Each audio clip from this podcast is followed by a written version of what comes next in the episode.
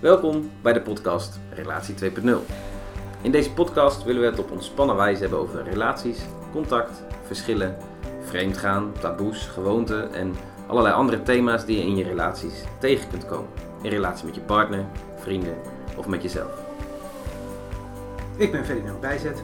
En ik ben Hans Verhaalte. We zijn vrienden, collega's, therapeuten, mannen. Een beetje vrouwelijk soms en niet altijd even serieus. En toch vaak ook weer wel. Nou ja, goed. Luister maar, dan leer je ons vast beter kennen. Nou, daar zijn we weer. Hey. En eh, vorige keer ben jij begonnen met een vraag aan mij. Klopt. Over mijn favoriete eten. Ja.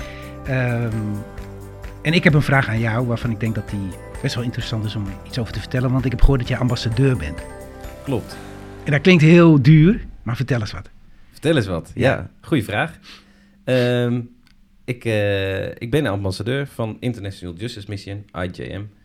Ehm, en dat ben ik als, eh, gewoon als, als mens, maar ook als eh, ik drum in de band eh, Eclipse Worship. En wij ehm, we zijn als band ambassadeur van deze organisatie.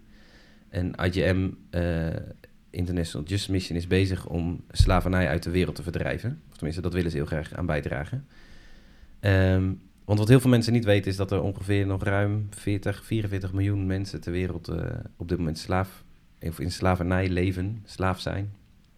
En ehm, eh, ja, wat moet ik daarover zeggen? D- dat, is, eh, dat is heftig. Het is nooit zoveel geweest als dat het nu is. En wat zij doen is heel erg met, of, eh, met regeringen samenwerken om te zorgen dat slavernij in landen eh, weggaat en dat het eh, gestopt wordt. En ehm, eh, Hey, en als je zegt nooit zoveel als geweest, want voor mij klinkt slavernij als iets wat eigenlijk gewoon verleden tijd is. Maar dat is dus niet. Nee, nee, dat is zeker niet zo. Nee, ik ben in ehm, twee jaar geleden ben ik eh, naar eh, Ghana geweest op tijd van opnemen. Ehm, en daar hebben we bijvoorbeeld gekeken bij eh, Lake Volta. Dat is een heel groot meer in Ghana, een kunstmatig gemaakt meer. En daar worden kinderen uitgebuit van, nou ja, van zes tot tien jaar of twaalf jaar, zeg maar, gewoon kinderen. uitgebuit om op de vissenbootjes eh, mee te helpen om te vissen op dat meer. Ehm, en omdat het een kunstmatig meer is, zitten daar heel veel bomen en ehm, eh, zitten netten vaak vast in die Hmm. bomen. Dus moeten die kindjes duiken. Eh nou, er overlijden veel kinderen.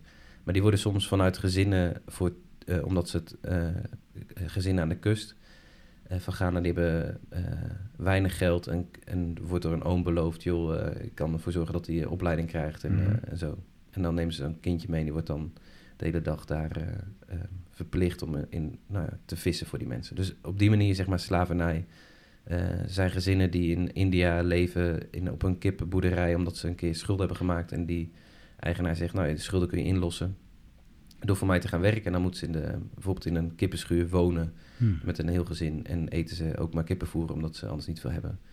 Ehm, eh, nou ja, ik denk dat iedereen wel weet dat er in de Filipijnen een hele hoop aan ehm eh, sekstrafficking is. Dus dat er Mhm. een hoop ehm, eh, kinderen misbruikt worden eh, met eh, webcamseks en, en zo. Dus er zijn nou, de- de verschillende landen, ook hebben ze nu een kantoor geopend in Roemenië, waar ze bezig zijn om dus prostituees te helpen die naar Nederland worden gebracht om hier ehm, als, nou, door middel van een pooien in de industrie te moeten werken. Dus er zijn, nou, er zijn veel manieren van slavernij die nog gewoon aan de gang zijn. Hmm. En wat zij dus doen is heel erg samenwerken met organisaties, eh, met andere organisaties, maar ook met ehm, de regering om te zorgen dat wetten gewijzigd worden en dat daar eh, ook echt wat eh, gaat veranderen, zeg maar. Dus met politie samen en zo. Hmm. Dus het zijn mooie dingen. Er worden mooie resultaten behaald. En ze zijn nu zelfs zo dat ze zeggen, oké, we hebben nu laten zien dat het kan. Dus nu willen ze ook andere organisaties gaan opleiden, trainen en dat die het ook nog meer gaan doen, zodat het een soort olievlek wordt die eh, uitbreidt. Gaaf. Ja, Ja. ontzettend mooie club. Hmm. Ja. Hey, en als ambassadeur, wat doe je dan? Eh, wat wij doen is, eh, overal waar wij als band optreden, daar eh, zijn zij ook. In de zin van dat we over ze vertellen Oh ja. of dat we daar dingen uitdelen, mensen oproepen. Soms doen we ook dingen samen, dat wij de muziek verzorgen en dat zij een, een, een praatje houden, of spreken erover. Hmm. Ehm, en op die manier dan ook de, de ask te stellen, dus de vraag van wil je doneren? Want dat is Hmm. uiteindelijk gewoon super belangrijk, omdat er eh, heel veel geld nodig is om dat, nou ja, de mensen daar te betalen. En, eh, en ik heb dus in Ghana gezien dat echt heel goed, eh, goed besteed wordt. En dat is ook het grappige, want ik zei net, weet je, ik ben het ook als persoon. Hmm. Het mooie vond ik om in Ghana te zien dat daar ook kinderen opgevangen werden in een, ehm, eh, in een ja, een soort shelter, een, een huis waar ze dan mogen slapen. Echt een soort huis waar, waar hulpverlening voor ze is. En dat ik erheen ging en dat ik dacht, oh, dat zal dan wel echt op een manier gebeuren waar, waar ik niet helemaal achter kan staan of waar ik eh, mijn twijfels bij heb. Het mooie was dat ik echt kon zeggen, eh, als ik zoiets zou moeten oprichten met, met mijn kennis en met mijn Mhm. achtergrond, dan zou ik het eh, doen zoals zij dat doen. Dus ik super professioneel, super veel aandacht voor trauma, voor verwerking, Hmm. voor ehm, eh, de systemen eromheen. Dus ze monitoren ook de gezinnen heel erg, waar de kinderen uitkomen voordat ze teruggeplaatst worden. En als dat niet kan, dan worden ze ergens in een andere familie. Maar heel, er zit heel veel monitoring op en zo. Dus het, eh, nou ja, gewoon een hele professionele organisatie die eh, goed werk doet. Wat mooi. Dus geld geven, Ja, dat eh, mag altijd. Dus daar roepen we toe op. En, nou, en te zorgen dat dus mensen steeds meer bewust worden dat Hm. slavernij nog bestaat. Dat is eigenlijk waar ik als ambassadeur mijn best voor doe. Nou. Bij deze. ja. Bedankt voor je vraag. Leuke vraag. Misschien kun je ook nog even gewoon aangeven waar mensen wat meer informatie kunnen vinden. Ja, dat is, eh, als het goed is, is dat op eh, ijmnl.org. Dus ijmnl.org. Ik zat naar je te luisteren en toen... Ik, ik had deze vraag natuurlijk voorbereid, maar ik had Ja. de connectie eigenlijk niet gelegd met waar we het eh, de vorige keer over gehad hebben en waar we het vandaag verder over willen hebben. Namelijk het verlies van een relatie met jezelf door allerlei gebeurtenissen. Ehm, en, en je verhaal raakte me wel. Dat ik denk van ja, eh, kinderen die gewoon uit een gezin geplukt worden en gedwongen worden om dingen te doen. Hoe traumatisch is dat?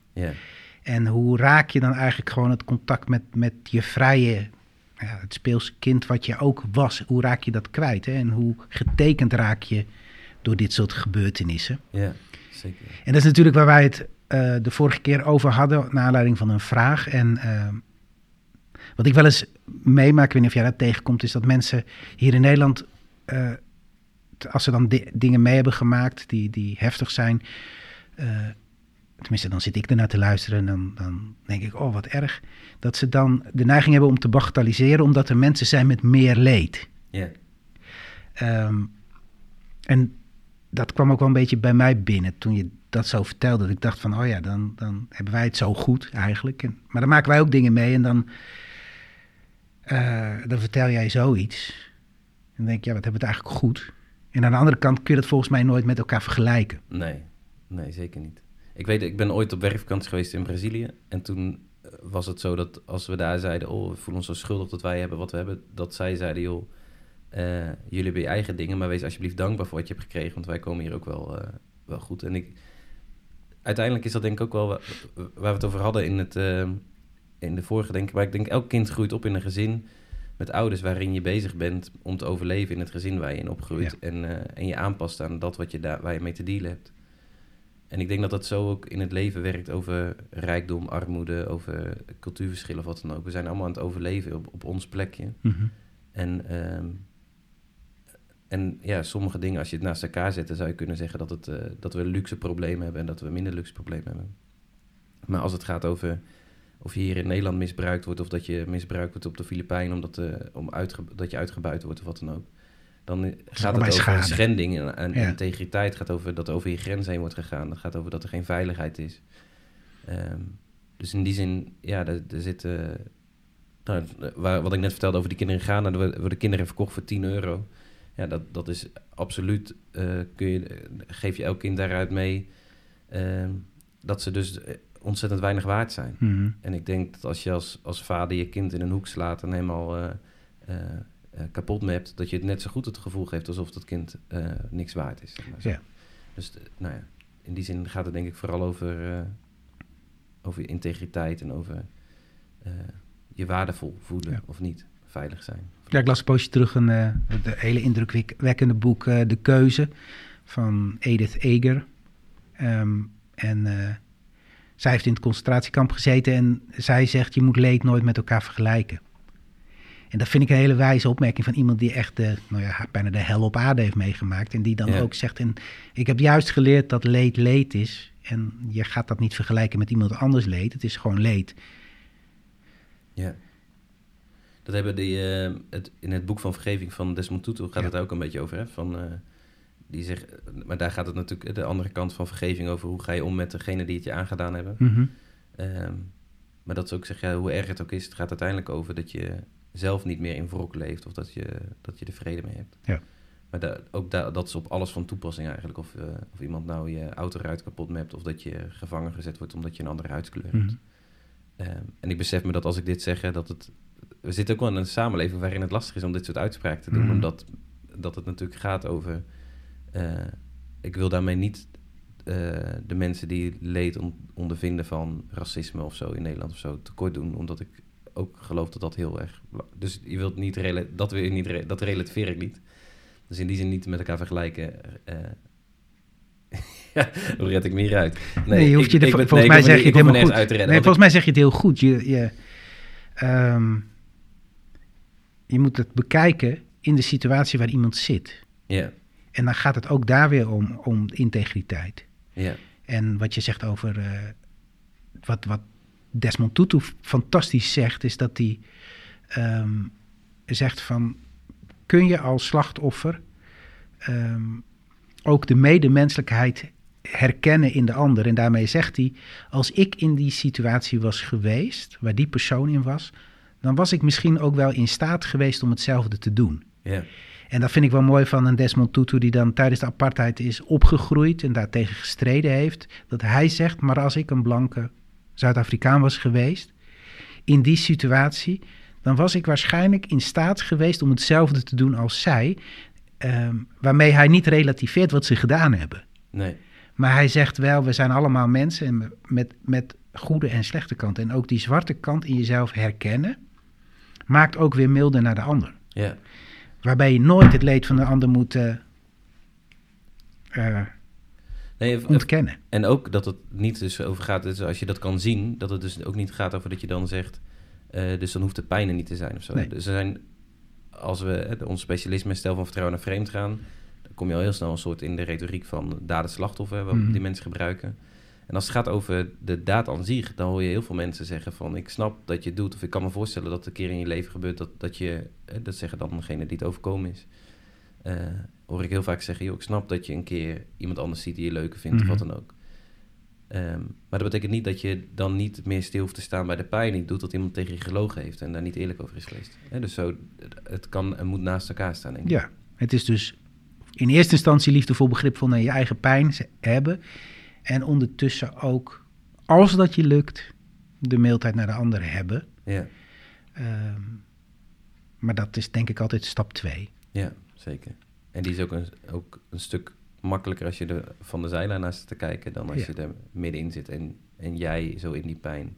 Het Ja, kan ook nog een valkuil zijn om daar te snel in te zitten. Zeker. Als je dan je eigen pijn overslaat. Ja, Ja. dat het makkelijk is om dan niet je eigen pijn te voelen... want je kan zo goed begrijpen dat hij het gedaan heeft. Of dat het Ja. eh, mogelijk is, ja. Hey, ehm, we zitten in een prachtig thema eigenlijk al. Ehm, maar we hadden gezegd, we gaan deze keer verder op de vorige keer. Hoe, hè, hoe, als je nou het contact met jezelf kwijtraakt, hoe kom je tot een relatie 2.0, waarmee je weer meer contact met jezelf krijgt. Ehm, nou, daar hebben we de vorige keer ontzettend veel over verteld. En ik kreeg een reactie van iemand, altijd fijn. Zeker. En, en die zegt, interessante podcast, eh, maakt wel wat los. Nou, dat is fijn. Ehm, en deze persoon die zegt van, eh, er waren dingen die me raakten en er waren dingen waarvan ik niet weet of ik het wel met jullie eens ben. En dat is ook altijd leuk om te horen. Als je het niet eens bent, want dat nodigt dan ook weer uit om erop verder te gaan. Dus ik heb gezegd, joh, benieuwd naar eh, waar je het dan niet mee eens bent. En daar kwam de volgende reactie op dat, dat deze persoon aan het puzzelen was met de vraag: wat kun je nou in contact met de ander herstellen? En dat was eigenlijk waar we de vorige keer heel erg op ingingen. Van als je het contact met jezelf kwijtraakt, heeft dat, dat, dat gebeurt eigenlijk altijd door beschadigingen in contact met anderen. Mhm. En heb je dus ook weer anderen nodig om daar op een of andere manier in te gaan herstellen. Maar deze persoon zegt van ja, maar heb je daar altijd een ander voor nodig? Of zijn er ook dingen die je alleen te doen hebt? Eh, of bijvoorbeeld met God. En ehm dus er vult dan aan God als een breed begrip. En daar zei ik dan van, dan is God dus die ander. Ehm, En wat bedoelt ze met God als een breed begrip? dat ga ik je nu uitleggen. Want ik kan me voorstellen dat niet alle luisteraars, tenminste, dat, ik hoop ik van harte dat niet alle luisteraars eh, alleen maar christenen zijn, maar dat we, dat we een breder publiek Ja. hebben dan dat. Ja, nee, maar daarom zegt ze God als breed begrip. En dan zegt ze, ik dus dan, toen zei ik van, dan is God dus de belangrijke ander in, met wie je dan in contact Ja. ook aan het herstellen gaat. En daarop reageert deze persoon van, dat weet ik dus niet precies. Eh, of de natuur, de creativiteit in ieder mens, de liefde. Als het vooral om de ander gaat, vind ik het wat beperkt. En daar zit een stuk van mij niet eens zijn van de podcast. Nou, en ik denk dan, uh, het heeft voor een deel te maken met waardoor je het contact met jezelf uh, kwijt bent geraakt. Ik raakte het contact met de microfoon wat kwijt, kreeg ik als signaal. Um, en als dat door oude pijn in contact met anderen is, dan heb je die ander wel nodig. Maar er is ook altijd natuurlijk een stuk wat je alleen te doen hebt. Um, nou, misschien is het wel een, een hoe moet je dat zeggen? Dat je, dat je dan op een volgende treden komt, dat er ook dingen zijn die, die je alleen uh, moet gaan doen. Nou, en het leek mij goed om daar eens over door te praten. Ja, want je, je hebt het over een volgende fase. Hoe zie je dat? Hoe bedoel je dat? Um, we hebben het wel eens in deze serie gehad over uh, die twee basisbehoeften die ieder mens heeft. Hè? Dat je aan de ene kant verbonden wil zijn met mensen, maar aan de andere kant ook je eigen autonomie wil gaan ontwikkelen. Ja. En dat het spanningsveld, of eigenlijk de opgave waar wij als mensen voor staan, is om vanuit verbondenheid met anderen ook zelf iemand te mogen zijn en de wereld in te gaan. Nou, vanuit hechting zeggen ze ook van een kind dat moet eerst een veilige haven hebben, dat is verbonden zijn, maar daarna moet die boot de haven ook uit kunnen. Um, en het kan zo zijn, denk ik, dat, dat je het contact met jezelf kwijtraakt, waardoor je of niet meer in contact met de ander kunt gaan. En dan blijf je uit de haven. Of je, je durft de haven niet uit. Mm -hmm. En je durft niet te, te koersen op wat je zelf wil. En volgens mij komen wij heel veel mensen tegen die juist een hele hoop te doen hebben in het uitvinden en uitzoeken wat ze nou zelf willen. En ik denk daarin kan juist ook het contact met anderen wel eens heel belemmerend zijn. Ja. Eigenlijk, ik vind wel het beeld van de haven wel mooi. Want je eigenlijk, als je het hebt over die haven en het bootje, dan zou je kunnen zeggen dat sommige mensen het bootje zijn die in de haven zijn, waarin de haven, een haven is meestal zo gebouwd dat er weinig golfslag is en zo. Ja. Maar als de haven dus niet veilig is, dat, dat, het, dat je bootje alle kanten op vliegt en dat mm. het eigenlijk daar niet als veilig voelt. Dus misschien wel waar we het vorige keer over gehad hebben, dat je dus weer moet zoeken naar hoe herstel ik dan het contact met iemand anders, hoe kan ik bij iemand anders wel veilig voelen. Uh, en voelen dat ik zelf dus ook gewoon oké okay ben en niet wiebelig ben en dat ik gewoon uh, stabiel ben of zo. Hè? Zoiets, ja. dat. En eigenlijk zeg jij nu, uh, maar wat heb je misschien met jezelf te doen als je daar niet wegkomt of zo? Als je niet uit die haven kunt wegvaren omdat je nog zo bezig bent met de ander. Is dat... Ja, dat is wat ik zeg. ja, dat, um, want daar heb ik over na zitten denken van... Aan de ene kant heb je dus een soort veiligheid nodig. Volgens mij hebben mensen mensen nodig dat is ook wel een beetje de, de kern van waar we het de vorige keer over hadden. Van om je veilig te voelen, hebben we ook andere mensen nodig. Maar vanuit die veiligheid moet je er ook op uitgaan. En dat kan ook eng zijn. Mm-hmm. Want dan ga je je eigen keuzes maken. En ik kom best wel veel mensen tegen die het ook super eng vinden om dan keuzes te gaan maken. Um, waarbij ze misschien ook wel een stukje verbinding met de ander loslaten. Ja. ja je zou kunnen zeggen dat veel mensen die bij ons komen hebben een, een, probleem met verbondenheid. Namelijk dat ze heel graag, dat ze iets missen in de verbondenheid en daar graag meer van zouden willen hebben. Ja. Terwijl diegenen ook vaak in de balans, verbondenheid, veel groter hebben ontwikkeld dan de autonomie. Dus ook veel bezig zijn met hey, hoe gaat het eigenlijk met de ander en hoe gaat het met mij? Heel ja. generaliserend, veel vrouwen hebben daar, zijn daar uh, mee bezig. Mm-hmm. En dus is dan, is dan de vraag, heb je het dan altijd op te lossen met de ander of heb je dan niet zelf te doen? Dat is eigenlijk wat, de vraag die we krijgen of de, die je ja. neerlegt. Ja. Ja, en als er denk ik veel schade is, um, waar je veel toch wel tegen angst en onzekerheid aanloopt, dan heb je eerst een veilige haven nodig waar je mag zijn en waar je mag onderzoeken wat er is en wat de schade aan het bootje is.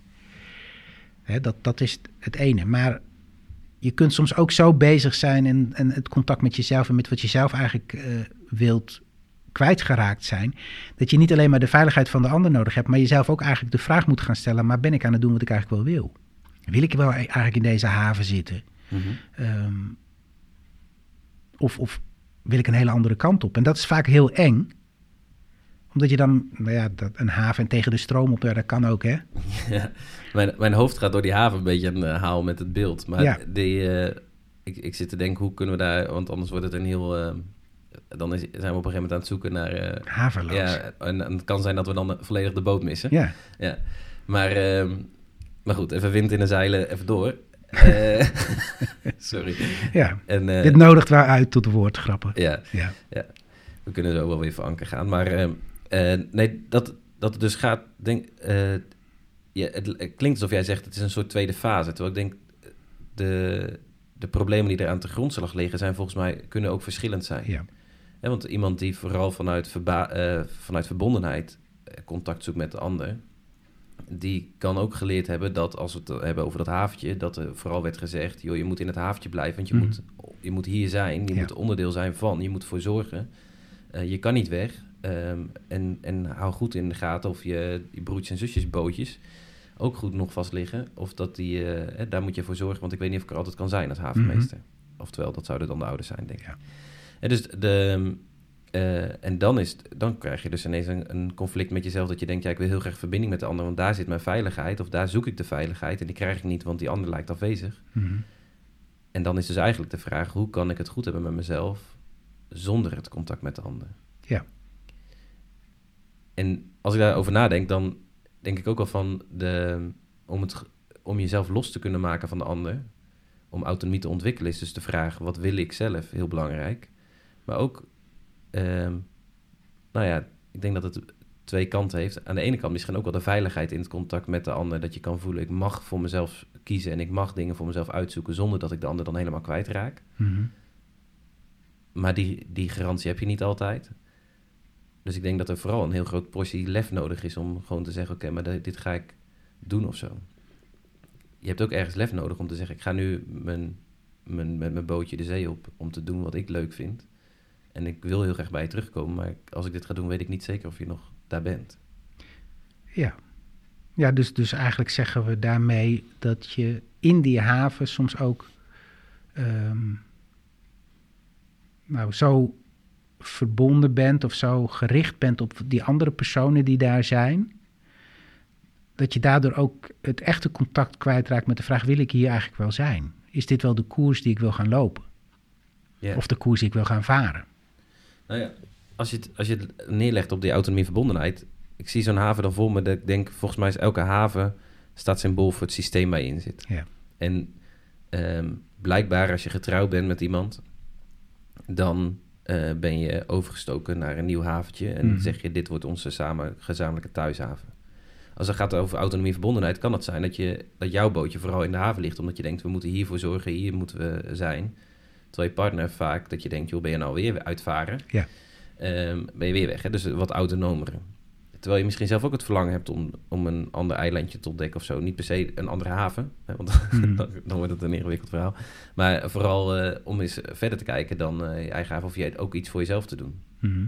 Ehm, en dan heb je denk ik aan de ene kant het lef nodig om gewoon te gaan. Maar aan de andere kant ook wel de goedkeuring denk ik, van de ander nodig. Ja, ik weet niet of het de goedkeuring is, maar het is, het is de, denk de zoektocht naar van mag ik autonome... Als ik autonome word, ben je dan nog oké met mij? Ja, en daar zit vaak dan denk ik wel schade uit vroeger. Ja, Dat je niet zo gestimuleerd bent om je eigen weg te mogen gaan. ja, Ehm je moet denken aan een eh, cliënt met wie ik eh, in gesprek ben, die, die zegt van ja, ik heb eigenlijk heel weinig behoefte aan op dit moment aan contact met mijn, met mijn ouders. Ehm, maar die verwachten juist dat, dat er wel contact is. Ehm, en, en dan zit ze in het spanningsveld van als ik contact, eh, als ik mijn eigen weg ga, dan vinden ze dat niet fijn. Ehm, en nou heeft ze de lastigheid, als ik daar ben en ik, ik ga niet mijn eigen weg ehm, kiezen, dan raak ik ook het contact met wat ik zelf wil kwijt.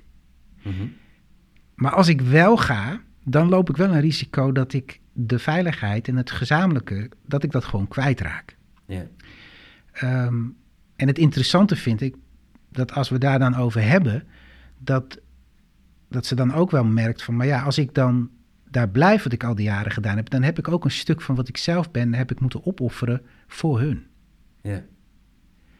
En eh, Ja, waarschijnlijk met de boodschap, want dat is goed om er voor de ander te zijn. Ja. Of zo doen we dat met elkaar. Wij zijn heel close met elkaar. Ja. Eh, Dat, dat gezien. Of jij bent noodzakelijk, want anders redden we het niet. En ik ken iemand anders die ehm, heel erg bezig is met eh, nou, de verwachtingen van bijvoorbeeld de kinderen, de verwachtingen van de partner. En dat botst vaak met wat ze zelf wil. Ehm, en als ze zou doen wat ze zelf wil, dan voelt ze zich schuldig. Dus eigenlijk mag ze niet echt wat ze wel graag zou willen.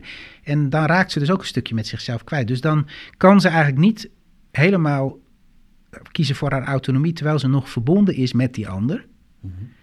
Ehm, ja, en dat heeft ook weer alles te maken met wat, wat er vroeger verteld is. En wat je vroeger hebt meegekregen. En dat zijn wel hele ingewikkelde dingen. Dus, hoe, hè, want, want wat je wil, daar ligt ergens ook een soort verbod op. Ja. Ja, want dat doe je niet. Dat doe je niet, Nee. dat hoort zo niet. Nee. Heb ik, heb ik, in de, ik zit echt te zoeken, want we, de vorige aflevering hebben we een paar weken geleden opgenomen. Heb ik het toen ook gehad over, toen hebben we het even gehad over mij, over mijn proces. En over, eh, in, in die zin over het stukje dat ik dan ook tegen mezelf kan zeggen nu van, eh, volgens mij, van joh, het is oké, het gaat goed. Maar heb ik toen ook verteld over die nachtjes weg naar eh, een hotel om juist alleen te zijn? Denk het niet, hè? Je hebt het mij wel verteld, maar Ja, ik ja, denk nee. niet dat jij de podcast... eh, Denk het niet, nee. Nee. Die aflevering niet, nee. Nee, want ik, ik moest eraan denken, als we het hierover hebben, dat voor mij was op een gegeven moment, kwam ik tijdens de, een opleidingsgroep, kwam ik heel erg achter dat eh studiegenootjes van mij zeiden, oh, ik vind het zo lekker als ik dan aan het eind van het weekend, als mijn vriendin weer gaat, dan ben ik weer alleen. Want die eh, Mhm. mannen die al een tijdje op hunzelf woonden. En dat ik, dat ik dacht, hè, vind je het fijn om alleen te zijn? Ik, als ik alleen ben man, dan, dan ik heb liever dat ik in contact ben. En nou ja, heel dingen in het contact, daar vond ik ergens goedkeuring. Of daar vond ik in ieder geval, eh, had ik dan een beetje controle over wat anderen dan van mij vonden. Maar ik, ik kom ook al uit een gezin waar het heel gaat over dingen samen doen. Eh, zo hebben we al, jarenlang de afspraak dat om het jaar vieren we oud en nieuw met elkaar. eh, eerste of tweede kerstdag, altijd met het hele gezin. Verjaardag vieren we met elkaar. De meivakantie gaan we elk, elk jaar weg. Superleuk. Maar dat is wel de boodschap die ik meegekregen. Het samen in het contact eh, en voor de ander zijn. Eh, mijn ouders doen ook alles samen. Ehm, en toen ik dus naar die gasten zat te luisteren, dacht ik... oh, maar alleen zijn, dus helemaal autonoom zijn... is het ergens ook iets aantrekkelijks of iets fijns. Ehm, en eigenlijk heb ik er toen voor gekozen om een keer te zeggen... ik ga dit onderzoeken. Ik ga eens gewoon het experiment aan om eens twee... Nou, uiteindelijk wilde ik eerst één nachtje weggaan. Maar toen dacht ik, ja, ik ken mezelf. Dan ga ik zo laat mogelijk en dan Mhm. check ik in. En dan slaap ik daar en dan ga ik zo snel mogelijk weer naar huis. echt waar? Die valkuil. Nou, daar Ja. was ik bang voor dat ik dat zou doen. Gewoon omdat ik echt een knoop, een pijn in mijn maag kreeg van de gedachte alleen al. Dus voor mij, dat ik, ik zat zo vast in dat haafje van je moet het samen... Je kan niet in je eentje die dingen gaan doen. En ehm dus gekozen twee nachtjes naar Blankenberg, ligt vlakbij Brugge. eh, om daarheen te gaan. En nou, doodeng. Maar sowieso dat ik dan in ieder geval daar een dag in mijn eentje moest doorbrengen. En ik heb daar echt geleerd, oh wacht, ik kan heel goed met mezelf zijn. En ik vind het ook leuk. Maar eh, sterker nog, daarna ben ik vaker zaterdag in mijn eentje weggegaan. Maar het is grappig als je dan eh, pas nog een keer een, een hele week zelfs naar uh, ik krijg van heel veel mensen dan ook de reactie, en vaak van de mensen die heel vanuit verbondenheid leven, oh, dat zou ik echt niet kunnen doen. Ik zou echt niet in mijn eentje een, een week weg kunnen gaan. Terwijl, ja, ergens is dat dus ook het risico wat je kunt nemen soms, of moet nemen, of kan nemen, Eh, je moet niks, maar eh, om jezelf te leren kennen, juist op de plek waar je ook even alleen bent, dus juist in de autonomie. Dus vanuit de veiligheid toch ook de zee opzoeken en, en te kijken... en hoe is dat dan voor me? Ja, en, dan, en ik had daar echt een hele portie eh, lef voor nodig. En, en ook dat Sanne zei, ik, eh, nou, eh, tof dat je het gaat doen, ga maar doen. Je kan het, dus ergens ook wel een beetje support vanuit mijn Mhm. thuisfront. Dus daar heb je dan die support weer Ja. nodig, ja? Ja, want ik zat te denken, want aan de ene kant, we vorige keer hadden het heel over de, het, jezelf helen, of het, het proces met jezelf helen in het contact met de ander. Dat gaat Mhm. heel erg over veiligheid. Maar dit heeft ook alles te maken met veiligheid. Dat Sanne tegen mij zei, ga maar, je kan het. Dus mij ondersteunen om het zelf te gaan doen. Ja, maar dat is, een, dat is een andere vorm van support. Dus het enige is, ik ben er voor jou... Mhm. En ehm, kom maar, ik zie jou en je mag, je, je mag hebben wat je hebt. Je gevoel mag je hebben en je veilig voelen. Ja. En dit is meer, ga er maar op uit, jongen. Ja, maar wel van... Ik, Maar ik geloof wel in Ja, jou. ik geloof in je en ik ben er ook voor je als je weer terug bent, zeg maar zo. Ja. Of de, eh, ja, er zit, er zit een hele gelijkwaardige veiligheid zit daarin, voor mij. Mhm. Want als ik hem omkeer, er zit eh, andersom... eh, Sanne was bijvoorbeeld heel erg altijd bezig met gezin. Daar heb ik in autonomie verbondenheid stuk wel eh, wat over gehad. Toen zij moest kiezen om... eh, toen liep het in de werk niet. Op een gegeven moment heeft zij een keuze gemaakt om te zeggen... ik ga voor mezelf beginnen. Ja, daar heeft ze echt mij nodig gehad. Dat geeft ze ook keer aan. Dat ik tegen haar zei... joh, maar dan de eerste maanden draag ik, draag ik last wel als het niet lukt. Weet je wel? Ja. Dus het komt goed, ga het nou maar doen. Het is oké. En uiteindelijk moest ze zelf de keuze maken. Moet ze zelf een contract opzeggen. Moet ze zelf een eigen bedrijf opzetten, weet ik veel. Ehm, maar dat was haar manier om los te komen. Maar wel ergens had ze het nodig dat er een soort veiligheid was of zo. Ja, maar dan, dan, want ik zit naar jouw twee voorbeelden te luisteren en dan denk ik, dan gaat het dus ergens over eh, dat je jezelf de, de vraag mag stellen, wat wil ik nou eigenlijk zelf? Ja, En wat is nou eigenlijk goed voor mij? ja, Ehm, en dat veel mensen toch eh, vastlopen omdat ze die vraag eigenlijk niet zo mochten stellen, omdat dat egoïstisch was. exact. Ja, Ehm, en ik herken dat zelf ook wel. Ik, ehm, hè, naast, naast in relatieherstel werk ik in een eh, opleidingsinstituut, het Kempler Instituut. Nou ja, daar werk je eigenlijk ook. Hè. Dat- We doen samen trainingen. Ehm, maar jij bent de baas. en ik ben de baas. Nou, dat liever niet. En daar zijn gewoon superveel taken. Ja, En eh, ergens was ook altijd de gewoonte van, ja, we doen alles samen. En, en ja, dat hoort er gewoon bij. En zo ben ik ook wel opgevoed. Ehm, ik heb een soort eh, reflex eigenlijk al in mezelf, dat als er iets moet gebeuren, dan pak ik het op. Eh, hè, zelfs zo dat, dat er stonden, mijn collega kwam binnen eh, met een aantal boeken en die moesten in de kast en die zegt, oh dat past niet. En dan sta ik al op en dan ga ik plek maken in die kast. Dus ik ben al zo bezig met de ander te helpen. Ik stel mezelf niet eens de vraag van wil ik dit nou eigenlijk zelf wel? oh ja. Eh, ik, hoop, ik hoop niet dat Sanne deze luistert, want die denkt dan, eh, had Hans dat maar wel had meer. Hans dat, ja. Sanne, we kunnen er een afspraak over maken. Ja. Ja, nou, ik heb dat heel sterk. Eh, ik ben wat dat betreft een echte helper. Ehm, maar daarmee kom ik ook heel snel in de problemen. Want op het moment dat iemand dan een vraag aan mij stelt, dan ben ik gewend om ja te zeggen. Ja. Omdat ik wil helpen, maar ook omdat ik niet wil teleurstellen. Nou, daar zit ook hè, van ou- ouds, oude dingen zitten daar. ehm, hè, zo ben ik opgevoed deels. Ja, Mijn ouders zijn ook enorme helpers, maar ik ben ook. eh, het is ook een manier om iedereen tevreden te houden. Maar in zo'n instituut als, als dat van ons, voor het weet, zit ik altijd aan de top van eigenlijk wat ik kan. mhm. Maar ik stel mezelf nooit de vraag: maar wil ik dit nou eigenlijk? Nee, Ehm, want ja, waarvoor zou je die vraag stellen? En toen las ik een keer een boekje, misschien heb ik het wel eens in een podcast genoemd, eh, over vier eh, dingen. Hè. Iets wat je, je hebt de zone van de incompetentie, de zone van de competentie, dat kun je wel, maar niet zo goed. Dan heb je de zone van de excellence, dat kun je goed, eh, bijna beter dan de meeste mensen. En dan heb je de zone van de genius, en dat zijn de dingen die je doet, daar word je echt super blij van. Daar mag je, wakker, mag je iemand wakker voor maken. En dat sprak me wel aan. En toen ging ik dus mijn takenlijstje bij langs. En toen dacht ik, ik ben alleen maar bezig ongeveer met dingen die ik kan. En ik kan ze ook best wel goed. Maar het zijn niet per se nou de dingen waar, die ik het liefst zou doen. Of nou, alle dingen is niet helemaal waar, want er zaten ook dingen tussen die ik, waarvan ik, waar ik echt heel blij van werd. Maar ik deed ook een hele hoop dingen waarvan ik dacht, die kunnen anderen eigenlijk best wel beter dan ik. ja, Ehm, en toen ik dat zag, toen dacht ik, dat zou fijn zijn als ik dat kon gaan regelen. Dat ik een aantal dingen die ik niet goed kan, gewoon niet meer zou doen. En dan komt meteen dat stemmetje, ja, maar... En dat is eng. Is dat, is dat de angst om de controle te verliezen? Nee, Of is dat de angst dat je niet voldoet in de ogen van de ander? dat is meer de angst van, dan moet een ander dat doen, dan zadel ik een ander met een probleem op. Ehm, dan, eh, ja, wie ben ik om een ander dan hè, dit te laten doen? Ehm, dus dan kan ik ergens nog wel voelen, ik wil dit. Maar om het te gaan organiseren, dat is eng. Ja. Want eigenlijk ben je dus veel meer gewend om over je eigen grens heen te gaan om de ander te pleasen. Ja, In plaats van dat je gewoon mag zeggen, maar dit zijn mijn grenzen en daar hou ik me aan. ja ik, ik stel mezelf heel vaak niet eens de vraag, en wil ik dit? En word ik hier blij van? En is dit goed voor mij? Nee. Ehm, Het is wel grappig, want in de, ik, ik weet niet of je dat in de eerste, pod- in de eerste aflevering ook noemt. Maar dat je zei van, eh, toen ik met het idee van de podcast bij je kwam, zei je, oh, dit wil ik eigenlijk al heel lang, Ja. maar ik heb het niet opgepakt. Dus is, dat heeft er denk ik ook mee te maken, hè? dat je dan eigenlijk dingen dus wel weet wat je graag wilt, maar het niet doet, omdat andere dingen die je misschien eigenlijk minder leuk vindt, blijft doen. Eh, omdat die, en die vreten dan je tijd op. ja.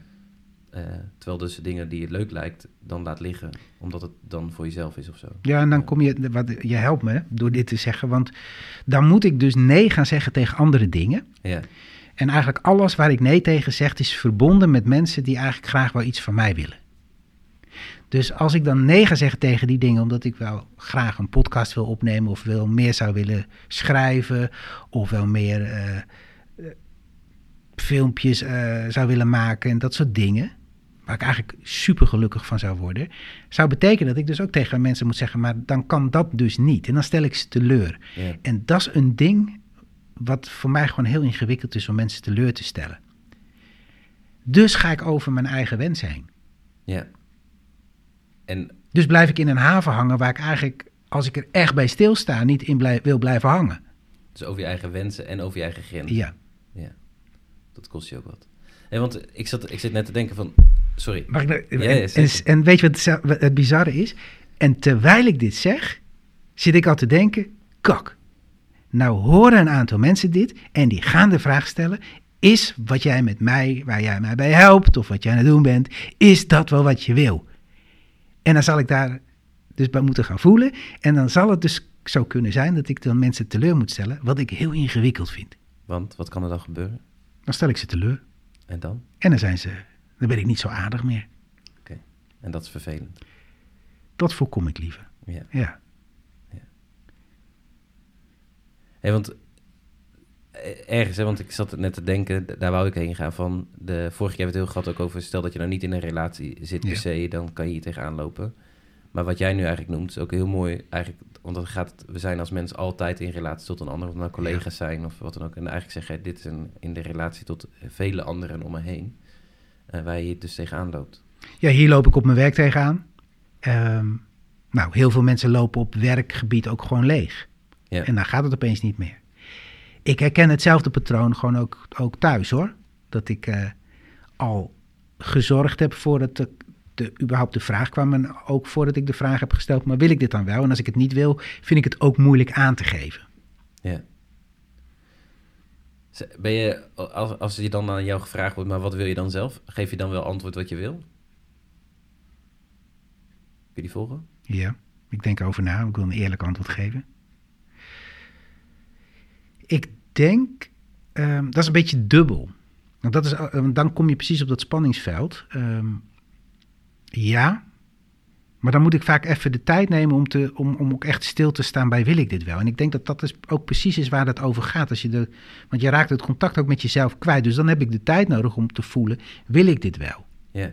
Want ik, ik denk namelijk dat ik kom met best wel veel mensen tegen. En dat zijn eh, nou, best wel vaak mannen die door te doen eh, willen laten zien aan een vrouw. Dat het dus al, eh, een vrouw zegt, oh, ik heb al zin in een kopje koffie. Man loopt direct naar de keuken om koffie te pakken. En vrouw zegt dan bij mij, eh, bij on, eh, als we in gesprek zijn, zegt ze, ja, ik vind dat ook lastig. Want ik wil niet dat jij dat moet doen voor Mhm. mij. Ehm, en ik heb het gevoel dat je dan al loopt voordat je er... eh, terwijl ik eigenlijk niet aan je vraag, maar je het al wel gaat doen. En daar voel ik me schuldig over. Terwijl die mannen die zeggen, nou ja, dat is, de mannen die ik in gedachten heb, dus er zullen ook vrouwen zijn die dat doen. Mhm. Ehm, maar die, die hoor ik dan zeggen van ja, ehm, ja, zo zit ik gewoon in elkaar. Dit heb ik, doe ik altijd al, dat vind ik ook fijn om te doen. En ergens klopt het. Het is een manier om hun liefde te tonen aan hun partner. Maar de- wat, jij dus al wel doet, is ergens een soort stilstaan bij... maar wat wil ik nou eigenlijk wel of niet? En, Mhm. en ook niet altijd dus even eerlijk ben naar jezelf toe daarin. Ehm, maar doen, sommige mensen zijn daar ook gewoon mee gestopt. Om, om te denken, wat wil ik nou zelf eigenlijk? Ja, maar die herken ik ook heel sterk. Bedoel, Ja. Het is niet voor niks dat mijn reflectie is als... Hè, wat ik zei over die kast, maar laatst was het... eh, zei een collega, oh, ze hebben er wel een puinhoop van gemaakt hier in het kantoor. En ik loop al naar de stofzuiger om te gaan stofzuigen. Dat hoef ik niet te doen. Nee. En ook ik ehm, vind, het zo, eh, vind iets geven aan een ander super fijn. Ik heb dat ook jaren in mijn relatie eh, gedaan, zonder te vragen al geven.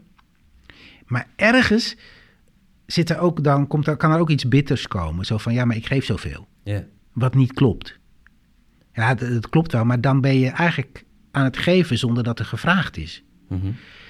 En dus ook met een bepaalde verwachting dat je daar dan iets op terugkrijgt... zonder dat dat per se... Ja, aan het begin niet, maar, maar op den duur. En dan is de valkuil heel groot om de verantwoordelijkheid bij de ander te leggen. In plaats van jezelf af te vragen: maar ben ik nou niet gewoon iets aan het doen wat ik niet wil? En zou ik ook gewoon nee kunnen zeggen?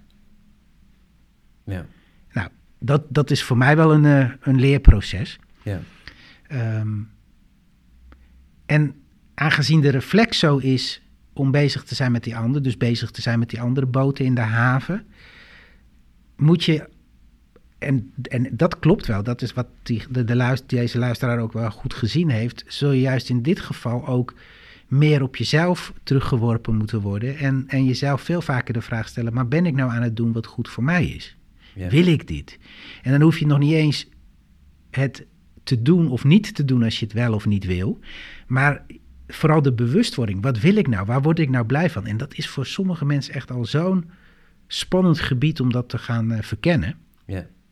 Helemaal omdat als je dus dat doet, dat je ook heel vaak het idee hebt, ja, maar jij zorgt ervoor dat ik hier altijd nog in de haven ligt. Ja. Dus die, die andere kant, hè, van met jezelf in de knoop zitten, somber voelen, uh, dat is iets waar je dan zelf bewust van wordt, maar waar je misschien ook dan, sommige mensen zeggen, ja, dat is mijn eigen schuld of dat doe ik zelf wat in, hoe kom ik hieruit?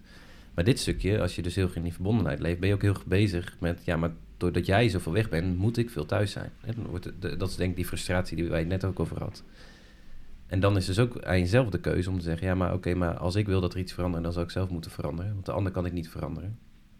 Alleen dan kom je dus precies tegen een, een deel aan van jezelf wat je waarschijnlijk niet toestaat. Is namelijk het stuk stilstaan bij, wat wil ik nou zelf, waar heb ik behoefte aan? Ja. Uh, nou, daar eerst bewust maar van worden. En dan, uh, dan actie ondernemen. Of Ja. niet. Dan weet je, het is een keuze. Want je weet, als je het niet doet, blijf je uh, in dat haventje. Ja, dus als er een bepaalde mate van veiligheid in die haven is, maar je jezelf wel kwijtraakt, dan gaat het dus om de vraag: en wat wil ik nu? En dat is een spannende vraag voor veel mensen om te onderzoeken. Ja. Um, ik heb in mijn kast een boekje staan van Ben Tigelaar. Uh, of Tigelaar, hoe heet die man? Zoiets. Ik zou Tigelaar zeggen. Tigelaar. En uh, die heeft een boekje geschreven, Dromen durven doen. En dat gaat hier niet over, het gaat over andere dingen. Maar ik vind die titel zo mooi. Dus dromen durven doen. En volgens mij begint het dus bij heel eerlijk voor jezelf uh, na te gaan bij, maar hoe zou ik het nou willen? Dus eigenlijk ben ik zo gericht op de kinderen en ben ik zo bezig met hun geluk, maar ik zou wel veel meer tijd ook voor mezelf willen hebben. Wat zou ik dan willen? Hoe zou ik gelukkig zijn? En voor, op je werk uh, vind ik dat, dat principe van die genius. Waar kun je me voor wakker maken? Waar ben ik echt in mijn kracht? Want als je doet waar je gelukkig van wordt, dan heb je meestal veel te geven. En dan, dus dat is dromen. Dan hoef je nog niks te doen als het maar voelt. En dan gaat het om durven. En dat gaat om experimenteren. Zoals jij, hè, je bent een weekend uh, weg geweest en laatst een week. Ja. Ik ben laatst voor het eerst een weekend weg geweest. Ook dacht, ik moest kijken of ik dat kan. Ik heb het nog nooit gedaan. Ik denk dat het kan. Gewoon om eens te voelen wat gebeurt als ik in mijn eentje erop uittrek. Wat ik ook heel spannend vind. En je leeft nog. En ik leef nog. Dus het is dromen, durven. Hè, dus dan ga je je afvragen, durf ik dat? En dan ga je experimenteren met doen. Mm -hmm. Maar het is altijd die volgorde. Ja. Ja. Of niet? Nou, Nou, uh, nee, ik, de, ik, ik, ik geloof dat dat zeker een volgorde is. Uh, ik, maar ik kan me ook voorstellen dat sommige mensen erachter komen op het moment dat ze zichzelf gaan toestaan. Wat wil ik eigenlijk? Dat ze vooral de pijn tegenkomen over dat wat ze al jarenlang hebben, hebben opgegeven. Ja. Um, en dat het goed is om, om daar dan ook eerst tijd en aandacht aan te geven. Dat je, dat je ook, nou, dat je soms als je zo lang vast hebt gezeten in een pad patroon, omdat je dacht en het idee mee hebt gekregen van jongs af aan, je moet geven, je moet geven. En dat je dan ineens achterkomt, maar alles wat ik heb gegeven, dat heeft me ook wat gekost. Dat het soms ook pijnlijk is en dat het ook goed is om daar eens bij stil te staan... voordat je kan zeggen, oké, okay, maar nu wil ik het anders. En die kunnen ook hand in hand gaan, denk ik.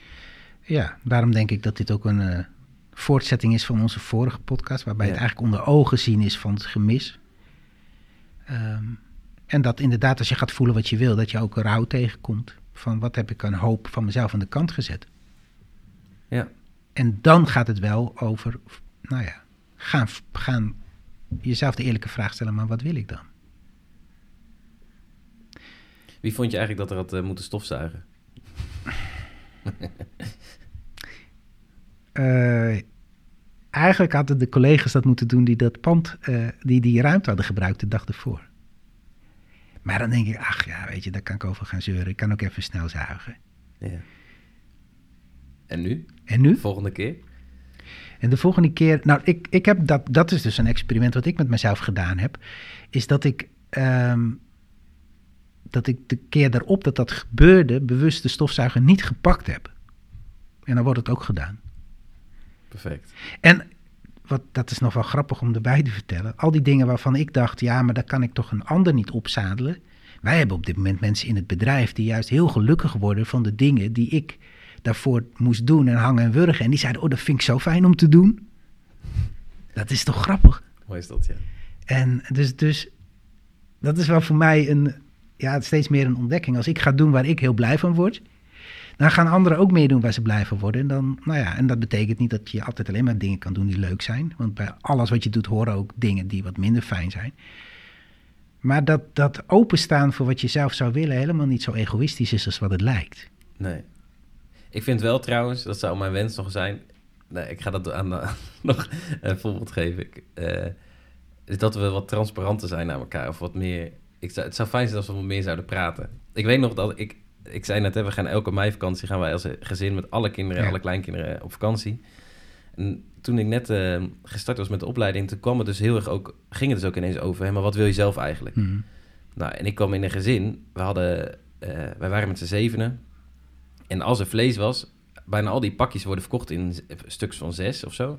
Er was in ieder geval bij ons altijd heel vaak iemand die de stukjes kreeg. Ja. Dus iedereen moest een stukje afsnijden, dan kreeg hij geen. Nou, Meestal heb je dan meer. ja, dan heb je meer. Dus dat was de, maar ja, dan had je niet echt een mooi stukje vlees.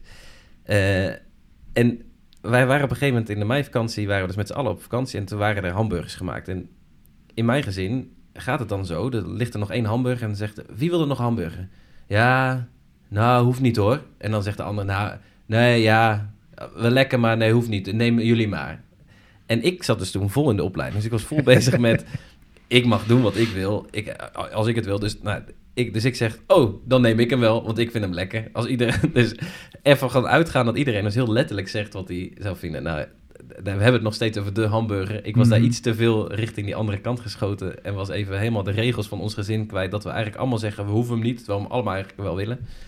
Ehm, en dus vandaar mijn ding dat ik denk, ergens zou het wel lekker zijn als we gewoon ook met elkaar meer zouden uitspreken. Hè, maar gewoon eerlijk zijn erover. Wat wil ik nou, hè, wat jij ook zegt. Zijn collega's die er blij van worden wat je doet. Terwijl die misschien heel lang denken, ja, dat doet Ferdinand altijd, dus dat ga ik maar niet doen. Hè, waarom? We moeten denk ik ook gewoon met elkaar in de relaties, in alle systemen. Dus ook je werk is een haventje, bij wijze van spreken. Maar we moeten het eigenlijk veel meer hebben, denk ik, over wat, wat gebeurt er nou eigenlijk? Omdat ik denk dat het heel veel miscommunicatie zou kunnen eh, uitsluiten. Ja. Maar als je dat nooit geleerd hebt om jezelf die vraag te stellen, dan, eh, dan, Ja. dan weet je niet eens dat dat kan.